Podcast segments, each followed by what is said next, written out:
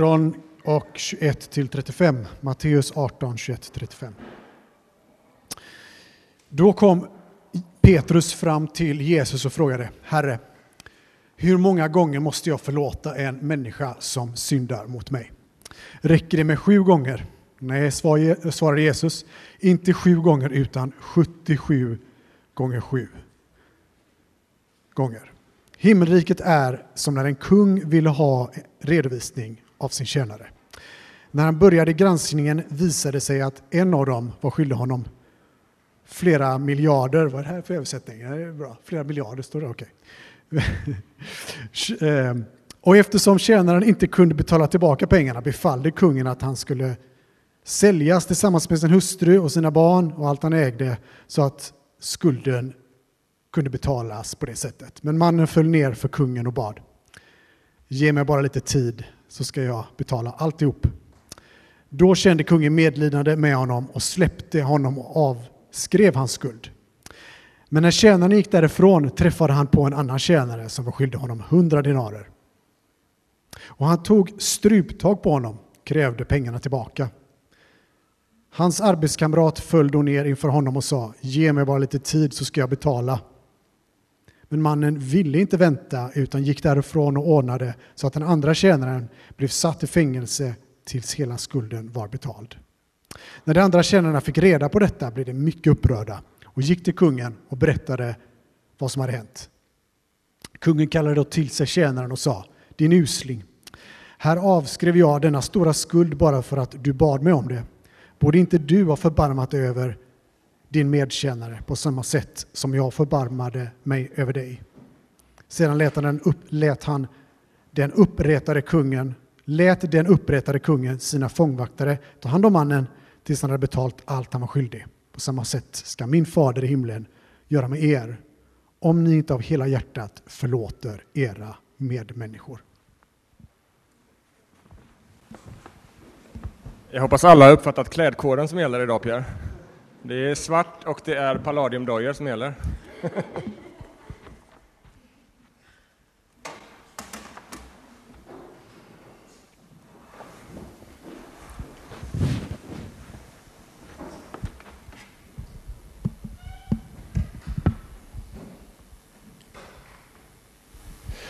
Ja, som sagt, lite teknikstrul. Det var en lång predikotext och ingen text på skärmarna, utan en fin katt. Eh, så jag hoppas att ni ändå hängde med här lite grann i, eh, i texten som Pierre läste, annars så kommer jag på något sätt återberätta delar av texten här också under predikan. Vad kul att du är här den här söndagen. Så, eh, så gott att se er här. Och det är ett privilegie att få stå här och få förvalta din dyrbara tid. Du kunde göra någonting annat.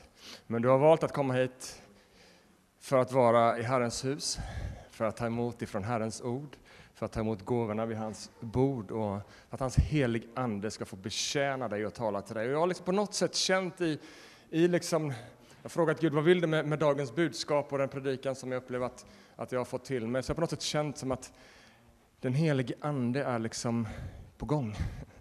Eh, och att det kan finnas specifika tilltal som inte jag känner till, som inte jag är medveten om att jag säger, eller som jag kanske inte ens säger, men som den helige Ande vill ta till ditt hjärta eh, för att du ska få uppleva den upprättelse och den frihet som eh, tillhör dig i Jesus Kristus. Amen. Herre, jag ber att jag ska få vara i din helige Andes grepp. Att jag ska få predika ditt ord, Herre. Och att jag ska få göra det i den helige Andes kraft. Men jag ber också att var och en som sitter här inne ska få vara en lyssnare, där den helige Ande får, får vara där och, och liksom eh, öppna upp hjärtan för ditt tilltal, Herre. I Jesu namn. Amen. Vi har ju varit här hela eh, början av hösten och sensommaren i en serie kring Jesu liknelser. Och faktum är att vi är idag framme vid sista delen i den här serien. Eh, det finns ju fler liknelser, Jesus talade ju alltid liknelser, står det i Bibeln. Det är inte riktigt sant, men, men vi förstår poängen, att Jesus talade väldigt mycket liknelser. Men för den här gången så är vi framme vid slutet av den här serien Jesu liknelser och jag får möjlighet att knyta ihop den här serien. Eh, och eh, ibland när vi liksom möter Jesu liknelser så hanterar vi dem lite som lösryckta berättelser som liksom bara Jesus slängde ur sig lite då och då. Men som vi hörde Joel prata om förra veckan så, så finns Jesu liknelser alltid i ett sammanhang, alltid i en kontext. Och så är det också med dagens liknelse. Dagens liknelse finns i ett sammanhang och många andra liknelser eh, som hänger ihop med varandra i hela kapitel 18. Och allt det här börjar med, varför Jesus berättar liksom bara ett gäng med liknelser efter varandra, det börjar med att en situation har uppstått. Har du varit med om det någon gång, att det uppstår en situation? Det uppstår en situation på min arbetsplats den här veckan, eller det uppstår en situation i vår familj här, eller det, liksom, det uppstår situationer. Det är ju livet. Och eh, det uppstår en situation bland apostlarna. Eh, och Jesus berättar ett antal liknelser i respons på den här situationen. Och eh, när jag läste det här så bara, så bara slog det mig att ibland kan vi liksom förfäras över vilka utmaningar det finns inom kyrkan. Och liksom, ja, vi tycker så här och vi tycker så här och så här är det så. Det kan liksom vara, finnas problem också inom en kyrka. Och, inte i våran förstås, men i andra kyrkor kan det finnas problem. Eh, eh, och, och, då liksom på något sätt är det lite tröstande bara att också bland Jesu apostlar fanns det problem. Också bland Jesu liksom innersta gäng fanns det oliktänkande, fanns det tjafs och relationella problem. Och, och liksom när jag tänkte på det så bara, ja, vi kanske borde vara tacksamma över och faktiskt bara fascineras över hur Kristi kropp faktiskt ändå hänger ihop ut över hela jorden. Att det inte uppstår fler utmaningar, att det är en sån samstämmighet, att vi tror så lika. Är ni med mig? Och också lokalt, att vi står ut med varandra. Det är ju fantastiskt. Helt otroligt. Eh, och att vi fortfarande tycker om varandra fast vi ofta, många av oss möts vecka ut och vecka in. Det är ju bara Guds nåd och Andens verk. Eh, och med det sagt så ska vi självklart liksom inte blunda och ducka för problem och utmaningar som kan uppstå. Och faktum är att det är just därför som Jesus ger oss kapitel 18 i Matteus evangeliet.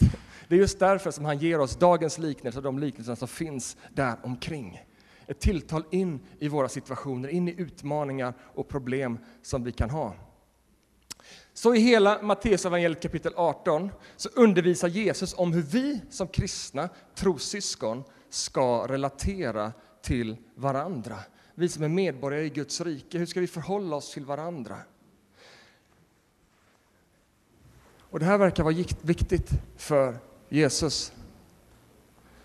Därför att jag tror att hans tanke, när man läser Bibeln, så ser man att hans tanke är att den kristna gemenskapen inte bara är lite gulligull, utan den kristna gemenskapen är tänkt att vara en försmak på livet i Guds rike. Jesus är mån om att du och jag ska vara vänner. Han är mån att du och jag kommer överens. Inte tycka lika om allt, inte ha samma hårfärg rösta på samma parti. Men att we go along. Att vi liksom ändå tycker om varandra. Att vi klarar av varandra. När kyrka är som bäst, då längtar vi efter att mötas igen. Inte så att vi bygger en liten klubb som bara är med varandra, därför att då kommer vi tröttna på varandra. Bara, är det du igen? Men när vi är kyrka så som Jesus har tänkt, då är vi en kyrka som går ut och lever livet där vi är sända att vara. Och när vi lever livet där ute, då finns det en längtan, en rörelse också tillbaka, att samlas igen, in, att komma tillsammans i den kristna gemenskapen igen och kring Jesus Kristus som är gemenskapens centrum. Så som kristna lever vi i den här rytmen av att vara sända och att samlas, sända och att samlas. Och när varje gång vi samlas så är det någon ny med. Därför att när vi har levt sända så har vi mött någon som vi har fått bjuda med. Kom igen, hallå, jag har en gemenskap, jag har en tro på Jesus, följ med, följ med. Så sänds vi och så samlas vi och så växer Kristi kropp vecka för vecka. I dagens liknelse som vi har hört Pierre läsa så talar Jesus om kraften i förlåtelse. Och som sagt, inte bara lösryckt, utan allt börjar i en konflikt bland Jesu lärjungar. Och vi läser redan i vers 1, det är där vi förstår att det är en konflikt som pågår. Därför att i vers 1 i kapitel 18 så står det om hur lärjungarna dividerar, apostlarna dividerar med varandra och tjafsar om vem som är störst. Vem är viktigast? Och märkligt nog är detta ett återkommande tema hos Jesu apostlar. Hallå, vad är ni för liksom dagisbarn? Ja, de är precis som du och jag.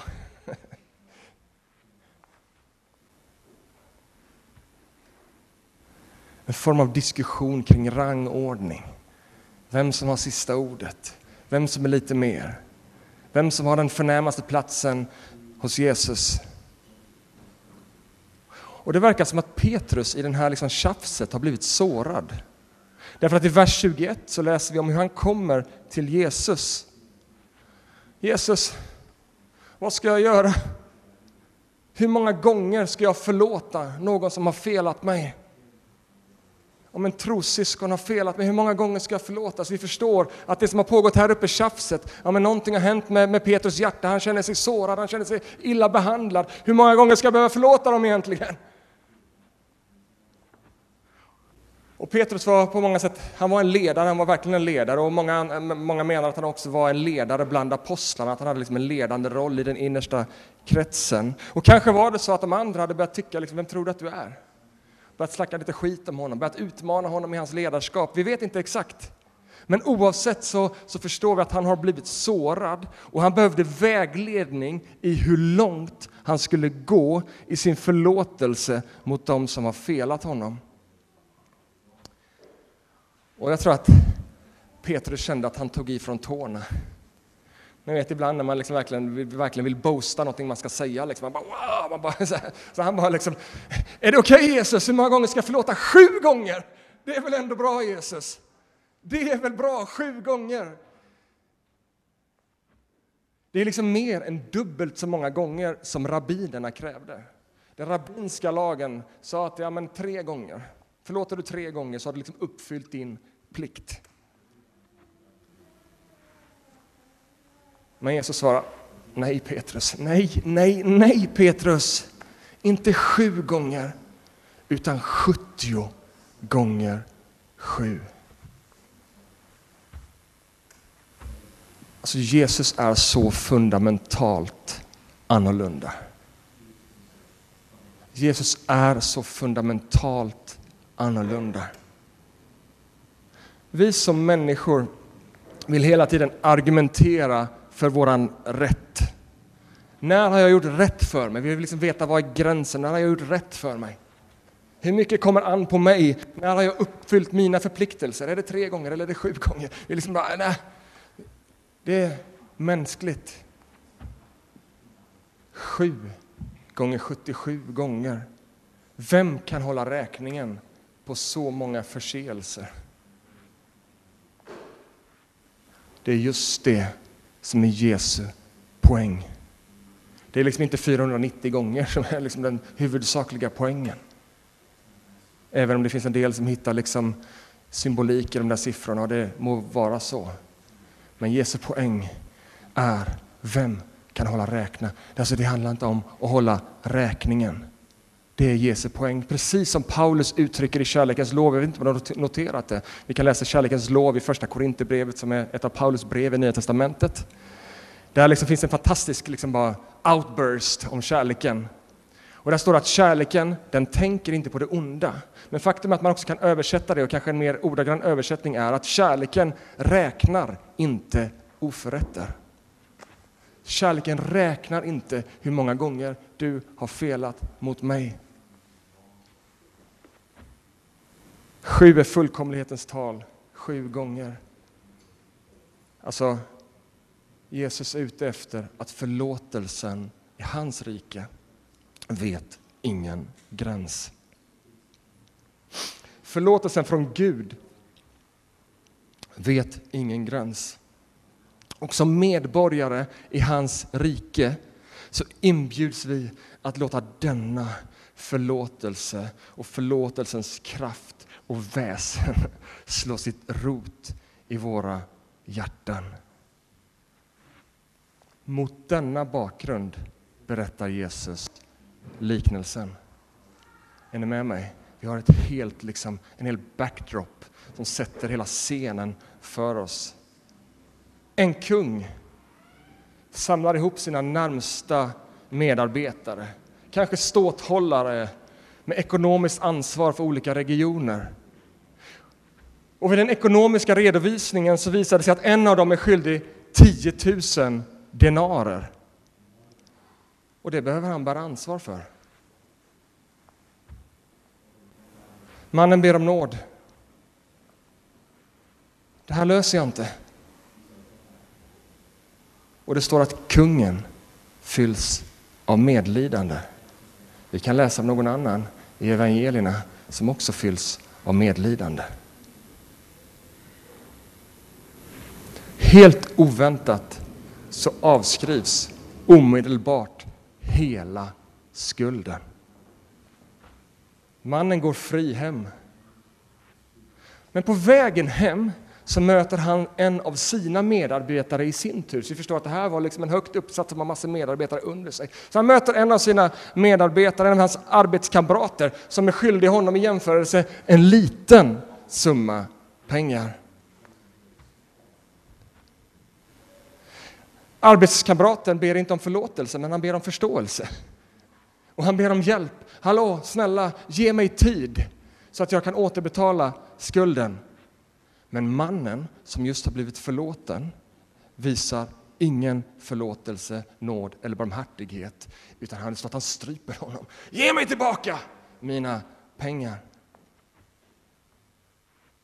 Och medarbetaren sätts i fängelse. Det här ryktet sprids snabbt bland de andra tjänarna runt omkring och kungen tjänare och det ryktet sprids ända upp till kungahuset och kungen får höra vad som har hänt och det står att han blir rosenrasande. Ta hit honom! Har inte jag visat barmhärtighet mot dig? Vad håller du på med? Är du så girig? Har du inte förstått någonting av vad jag gjorde mot dig? Vad håller du på med? Benådandet upphävs och kungen befaller att mannen ska fängslas och att han ska återbetala hela skulden, vartenda öre. 10 000 denarer. Skulden det låter inte så mycket 10 000, ja, men det kan jag jobba en månad och betala tillbaka. Skulden var enorm och obetalbar. 10, alltså denar var det högsta beloppet. 10 000 denarer var det högsta man kände till. Det motsvarade mer än hela kung Herodes totala rikedomar. Vet ni vad? Det motsvarar mer än 60, lyssna nu, 60 miljoner dagslöner motsvarande närmare 100 miljarder kronor, mer pengar än vad som fanns i hela landet. Märker du absurditeten? Det här är ingen vanlig skuld. Det är knappast ens en skuld möjlig ekonomiskt. Vi har många ekonomer här inne. Per. Hur? Alltså det är inte ens möjligt att sätta sig i en sådan skuld. Vad är det som händer i texten? Vad är det som händer i liknelsen? Jesus vill fånga lyssnarens öra och rikta lyssnarens blick mot någonting större, någonting annat, någonting djupare, någonting långt mer viktigt och värdefullt än pengar. Liknelsen börjar med orden Himmelriket är som när en kung... Punkt, punkt, punkt, punkt. Himmelriket är som när en kung. Jesus börjar, han ger oss nycklarna att förstå hela liknelsen direkt. Vad är det som är i fokus i den här liknelsen? Jo, den här liknelsen har någonting att berätta om ett rike och om en kung. Liknelsen har någonting att säga till dig och mig om Guds rike och hur vi som kristna är kallade att följa Jesus och leva i den här världen. Inte bara som goda samhällsmedborgare i allmänhet, det vore ju bra. Nej, utan längre hur vi kan reflektera våra dubbla medborgarskap. Här, Sverige eller vilket land vi nu är medborgare i, och i det himmelska. Lite mer av himlen på jorden. Liknelsen har någonting att säga om riket, men liknelsen har också någonting att säga om en vadå? En kung. Himmelriket är som när en kung, en kung. Kung i judisk liknelsetradition är i princip alltid synonymt med Gud. Så alltid en liknelse när vi hör om en kung så är det en synonym för Gud. Så den här liknelsen är alltså också någonting att liksom för att hjälpa oss att förstå vem Gud är och lära känna Gud. Och vi kan liksom se den här liknelsen, hur, hur reagerar kungen? Vad gör kungen i liknelsen? Vad, vad är kungen på gång och gör för någonting? Så Jesus hjälper oss att rikta blicken mot rätt saker, att vi inte ska leta efter massa andra saker, hitta massa små detaljer. Så är det inte med liknelser. Liknelser är ofta ganska enkla poänger. Och så också i den här liknelsen, vad är det som den säger om riket och om kungen? Så när den här liknelsen introducerar oss för den här, för den här skulden, en enorm skuld, så är det för att du och jag ska se, men vad gör kungen med den här skulden? Vad är det som är på gång här? Och vad kan vi förstå utifrån den här skulden om kungen, vem han är och om hans rike? Skulden som är obetalbar precis som din och min synd. Jesus, absurditeten i liknelsen är Jesus sätt att säga att det finns ingen chans i världen att betala tillbaka den här skulden. Faktum är att det inte finns någonting i hela världen som vi kan göra i vår egen kraft för att ta bort vår synd och bli skuldfria inför Gud. Och då kan du känna, att man blir förfärad över synden. Ja, Jesus bagatelliserar inte synden på något sätt.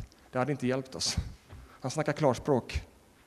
Men liknelsens budskap är inte så mycket för att trycka ner det i skoskaftet, utan liknelsens budskap, var det? Jo, det var om kungen, eller hur? Vad gör kungen med skulden? Och Jesu budskap i liknelsen är att hur stor synden är, så är nåden ännu större.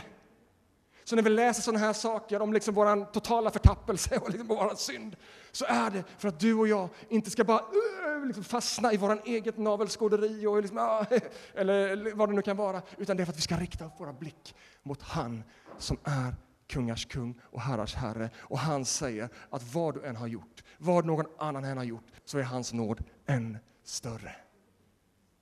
Det är nästan ett amen och ett halleluja. Paulus säger här i Romarbrevet 6.20, där synden blev större, där överflödade nåden än mer. Jag gillar det, än mer. Smaka på de orden, än mer. Nästa gång du känner liksom, åh, jag bara misslyckas hela tiden. Nåden överflödar än mer, än mer. Skuldens absurda storlek är för att visa på den enorma, överflödande och gränslösa nåd som finns hos Gud. Och att det inte finns någonting, det finns ingenting, ingenting, ingenting i ditt liv som inte Guds nåd täcker. Absolut. Mannen förtjänade sitt straff. Jag menar, han har wasted liksom mer än hela landets rikedomar. Han förtjänade sitt straff. Men återigen, vad gör kungen? Kungen handlade inte med mannen utefter vad han förtjänade. Han handlade med mannen efter sin nåd. Och det är precis vad kung David säger i psalm 103 när han talar om vem Gud är, vem hans Gud är. Ja, Gud han behandlar oss inte efter våra synder och lönar oss inte efter våra missgärningar. Psalm 103, vers 10. Så hög som himlen är över jorden, så väldig är hans nåd över dem som vördar honom. Ja, så långt som öster är från väster. Och ni vet, det finns ju inget slut. Så långt öster är från väster. Det finns inget slut. När tar det slut? Hur stor är universum? Hur långt är ett snöre? Så långt från väster till öster. Så rik är hans nåd. Är du med mig? Döm inte ut dig själv i dina misslyckanden. Döm inte ut dig själv i dina tvivel. Det finns människor här inne som dömer ut sig själv i sina tvivel. Jag tror inte så mycket som jag borde. Vem har sagt det? Guds ord säger till dig att om du har tro som ett senapskorn, men hur litet är det? Litet! det är liksom, är du med mig? Det är för att Gud säger till dig att döm inte ut dig, utan kasta dig på hans nåd. Därför att hans nåd har inget slut, utan så långt ifrån evighet, evighet ditåt och evighet ditåt, så långt det sträcker sig, så långt sträcker sig hans nåd emot dig. Är du med mig? Du är inte utanför min vän. Det beror inte på dina gärningar, det beror på hans nåd.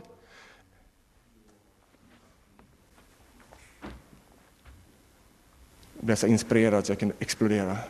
Jag ska bespara dig.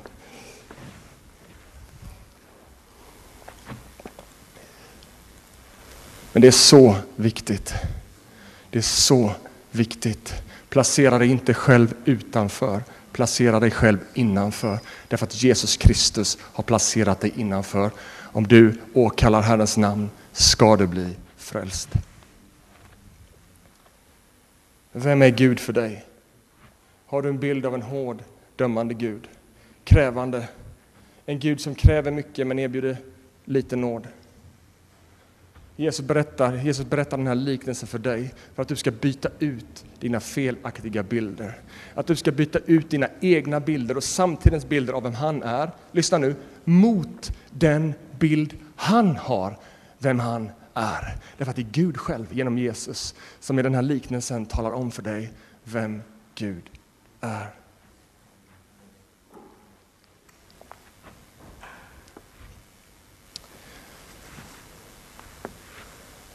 Kan ta ett andetag.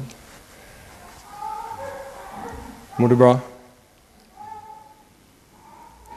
Vad ska vi göra med kungens reaktion på mannens oförlåtsamhet?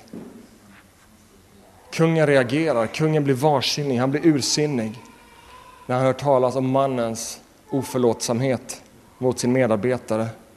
Hur ska vi förstå det? Mannens reaktion när han möter sin medarbetare visar att nåden inte hade gjort sitt verk i hans hjärta. Han ville gärna ha benådningen. Han ville gärna ha Guds välsignelse. Men han ville inte ha det liv som Gud kallade honom till. Jesu liknelse utmanar det är som den tyska prästen som fick ge sitt liv under andra världskriget, Dietrich Bonhoeffer. Jesu liknelse utmanar det han kallar för billig nåd. Vad är billig nåd? Jo, det är att slarva bort nådens djupare verk i ens liv. Ett billigt förlåt. Jag menar, hur många har inte fått ett billigt förlåt? Och så är bara samma beteende upprepas gång på gång. Och det där förlåtet betyder inte ett piss.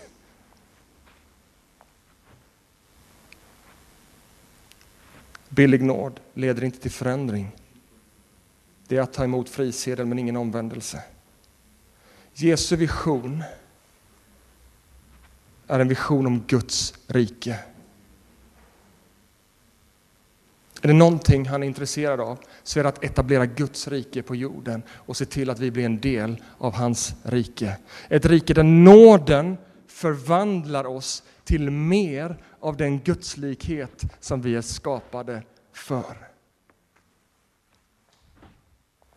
Mannen blev erbjuden nåd, men han lät inte nåden förvandla hans hjärta. Lyssna nu. Kungens intresse var aldrig pengarna i sig.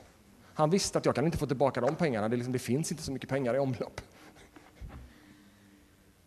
Kungens intresse var att mannen skulle få uppleva förlåtelsens kraft till ett förvandlat liv.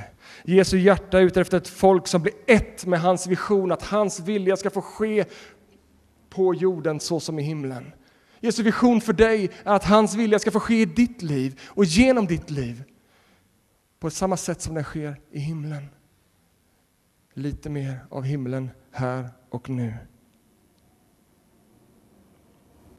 Och vi får inte på något sätt missförstå Jesus. Att han skulle vara ute efter någon form av perfektion som liksom vi aldrig kan nå upp till. Och det här med att liksom leva i förlåtelse. Förlåtelse är utmanande. Jag märker det på mina, mina barn. Klart när de blir lite äldre blir det lite lättare. Liksom. Men det är liksom, det där att bara säga de där orden, det tar så emot. Ja, men du rev ju ner hela hans legobygge nu, du kan väl åtminstone säga förlåt. Och vi kan skratta åt barn, men gå till dig själv. Hur lätt är det? Det tar emot och Jesus vet det. Han vet att det är svårt. Han vet liksom det han kallar oss till. Det är, liksom, det är svårt. Så det är liksom inte det att han kräver perfektion hos dig, men han kräver, kräver intention. Vilja, längtan, eller åtminstone, jag vet inte ens om jag vill, men Herre hjälp mig. Är med mig? Han vill se en riktning i våra liv. Den här mannen ville inte förändras. Han förminskade Jesu förlåtelse och Jesu nåd till en billig frisedel. I mannens hjärta fanns ingenting som visade på en vilja att bry sig om att förlåta eller att visa godhet, att visa barmhärtighet. Vi ser ingenting av det. Det var bara en direkt reaktion och bara strypa och liksom, äh, det fanns ingenting av liksom vilja till godhet.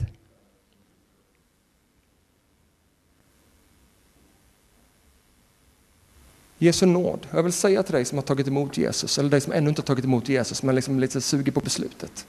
Det är faktiskt någonting mer än bara ett ja. Det är faktiskt ett ja till ett annat liv.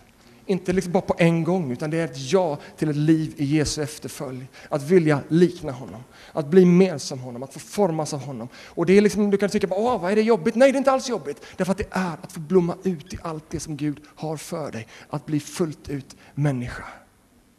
Det är någonting vackert. Jesu förlåtelse är en inbjudan till omvändelse.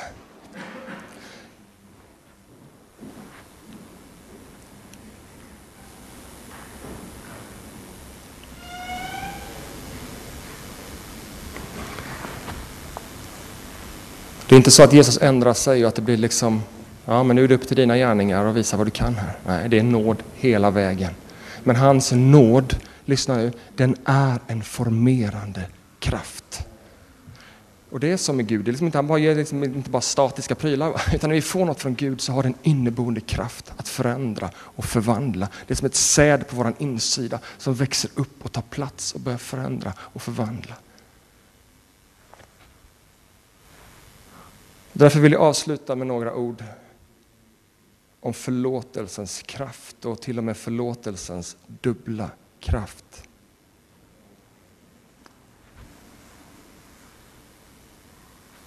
Mannen som blev förlåten lät inte förlåtelsen ta itu med hans hjärta.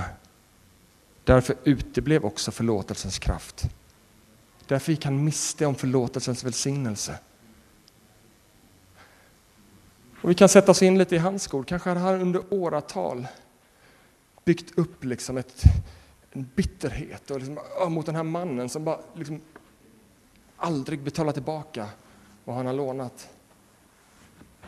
Ni vet när tiden går och till slut man bara liksom, hallå, ska du betala tillbaka snart? Ska du betala tillbaka snart?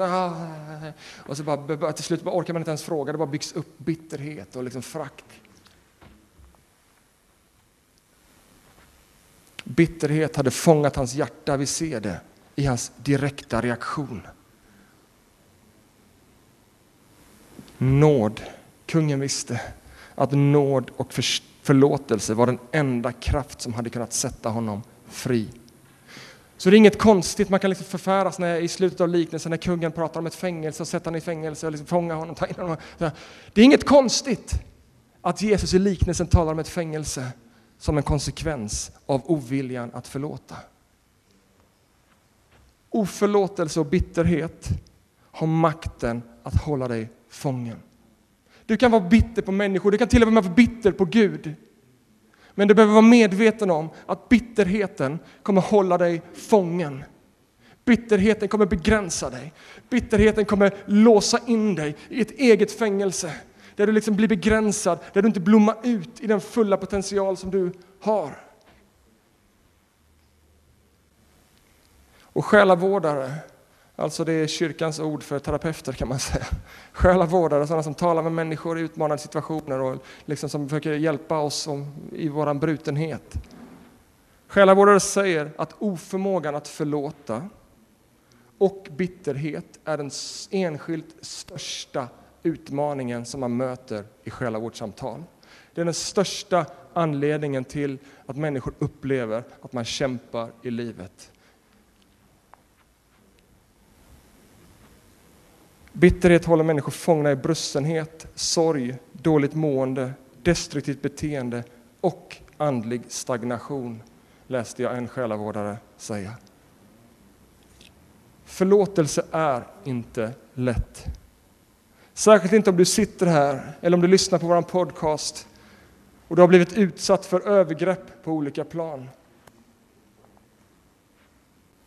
Du har fått utstå ord handlingar som har krossat dig eller förstört dig, som har sårat dig, som har brutit ner dig. som har sått in tvivel i dig, som har gett dig sorg. Jag gråter med dig och jag gråter med mig, för vi har alla kanske på olika plan fått uppsmaka på livets jävligheter. Ursäkta ordet. Det är därför texten säger att Gud har medlidande med dig. Kungen hade medlidande. Det är inte lätt. Jag vill inte förminska din smärta på något sätt. Men lyssna nu. Det finns en väg och det finns bara en väg och den vägen går genom förlåtelse. Här kan behövas massor med samtal, själavård, bön och stöd. Men jag vill uppmuntra dig, med Guds hjälp är det möjligt. En del upplever bara liksom, ja, man, man, man liksom tar mod till sig och, och, och, och, säger de där orden, liksom, förlåt, och det bara blir som en kraft. Andra behöver en längre resa. Våra vägar ser olika ut, men det finns en väg till frihet min vän, och den stavas förlåtelse. En intressant detalj i liknelsen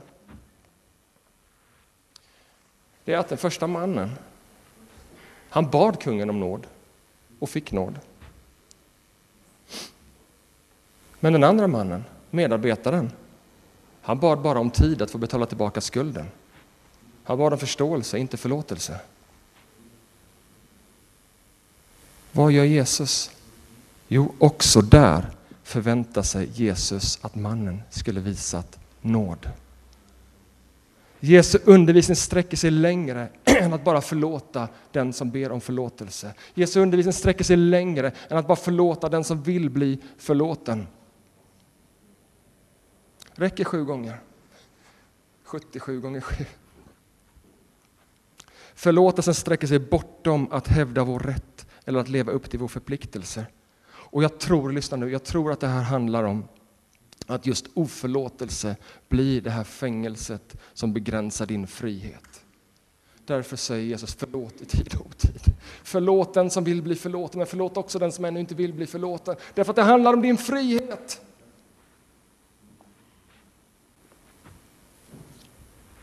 Förlåtelsen är en dubbelkraft. Det handlar inte om bara vad som händer med den personen som du förlåter. Det handlar också om vad som händer med dig. Det handlar om vad som händer med dig om du väljer att inte förlåta. Och det handlar om vad som händer med dig om du väljer att förlåta. Det finns en dubbelkraft. En dubbelkraft. Förlåtelsens kraft är befriande. Den sätter den fri som du förlåter, men den sätter också dig fri. Ja, du kan inte styra över den andra personens reaktion, men du kan styra över din frihet på det sättet. Därför att Jesus Kristus har lagt liksom, frihetens verktyg i våra händer. Nu är det inte så att alla våra problem i våra liv består av oförlåtelse eller bitterhet, men det är det som är i fokus i dagens text. Jesus säger i liknelsens sista vers att förlåtelse är en hjärtesak. En hjärtesak. Från hjärtat utgår livet, från människans inre. Därför kan en människa ha allting till det yttre men ändå sakna inre frid, därför att livet kommer inte från det yttre. Så du kan sluta jaga efter prylar. Det kommer inte göra dig lycklig, därför att livet kommer från insidan. Och det är därför som förlåtelsen då är en hjärtesak, därför att den kommer också från insidan. Oförlåtelse sitter här inne, bitterhet sitter här inne. Men förlåtelsen är nyckeln som öppnar upp. Förlåtelse är en praktisk handling av nåden. Hur ska jag leva i nåden? Nåden är abstrakt. Nej. Förlåtelse är nådens verktyg.